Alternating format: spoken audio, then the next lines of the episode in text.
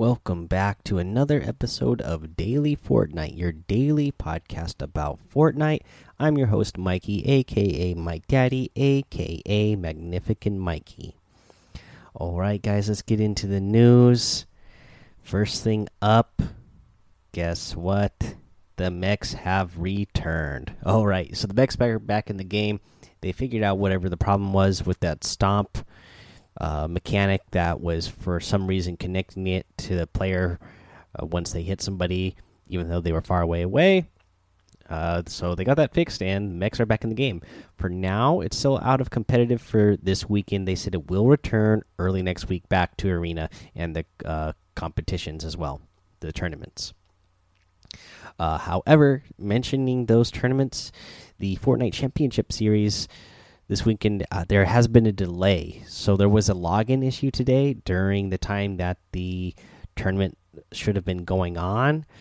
And unfortunately uh, what they decided to do was just delay that tournament uh, until tomorrow. So all the rounds are now taking place tomorrow which is uh, just i feel really bad for players who are taking the competitive side of Fortnite very seriously and they want to be a part of that and compete.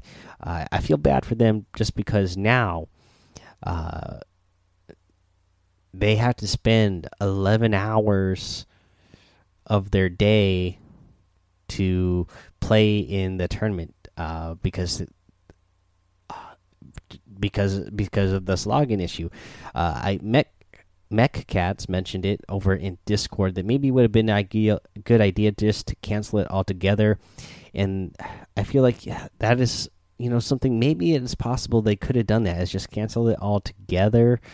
Um, and then maybe, you know, at that point, cancel it for all regions and just say, hey, there was too much of an issue this week. We got to we got to cancel it this week, and there's just going to be one week less of the tournament than we originally thought, uh, just because the players having to play. Because if you are playing the Fortnite Championship Series, remember it's something that the points accumulate over the season, so you can't be skipping rounds if you're somebody who wants to take it seriously and wants to qualify for the for the tournament at the end, and that's so you're going to have to play in the mall and it's going to be 11 hours total of the day. So there is like one hour in between each round. Uh, so it, you have a i guess you have an hour break between each rounds to do something else and stretch and do something else that you want to do during that time. But yeah 11 hour span is how long the tournament's going to last. So uh, i feel for uh, the hardcore competitive players out there uh, but moving on, let's get to a challenge tip for this week. For this one, we will cover the land at a rundown hero mansion and an abandoned villain lair. If you haven't been to these locations in a long time, because I know a lot of people don't, I'm going to remind you where they are to help you get this challenge done. The uh, the the rundown hero mansion that is over in it's right on the edge there on uh, J5 and J6, right there on the line. That is where that hero mansion is at the very edge of the map. Now, uh, for the villain lair, that is over in uh, B4. Now, the villain lair is part of the mountain, so you're going to want to, when you're gliding down, you're going to want to land you're going you're going to want to glide over the mountain. That way you can land down inside of the villain lair itself. And there's actually uh, you know not a lot of people go there. There's more people going there right now because of this challenge but not a lot of people usually go there. And it's a place that actually has a pretty decent amount of loot if you are playing uh, especially as a solo. There's a pretty good amount of loot there. All right, guys, let's take a little break here. We'll come back. We will go over the item shop and our tip of the day. All right, let's get to this item shop, and it's a good one today. We have a new outfit, which I am absolutely loving. It's called Vulture. Loom over the competition.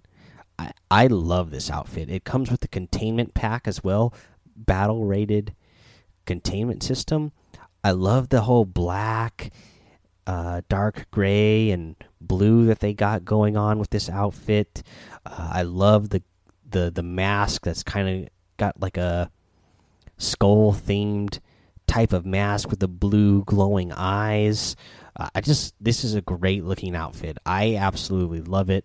Uh, I, will probably be getting this one. Uh, let's see here. We also have, as part of the airstrike set, is the blue bolt harvesting tool and the dual defiant glider. Defy all expectations. So this is a pretty neat looking uh, glider that goes with this one. Um, Oh, I don't think I read the description for the blue bolt harvesting tool since it's new. Infused with the power of blue. So again, it's got that cool little uh, blue glowing uh, stuff in it that the rest of this uh, set has, and like the eyes of the vulture outfit.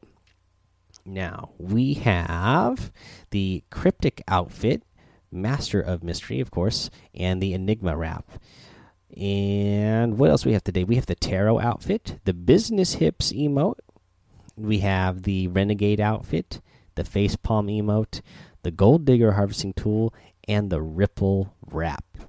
That is all the items in the item shop today. If you guys are going to get any of these items, I would really appreciate it if you use that creator code Mike Daddy, M M M I K E D A D D Y in the item shop, as it does support the show.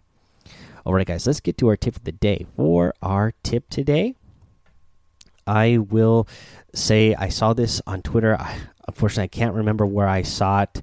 Uh, it was a couple of days ago, so I don't remember who to give credit to. If you guys know, uh, you know, uh, put it in the Discord so we can give credit to that person. But I saw that when you have the shield bubble and you you know maybe there's a chance that you want to bring that shield with you. It lasts for 30 seconds but maybe you want to move to a new location. Maybe you are at the end. Maybe you're in a moving zone so you need to move.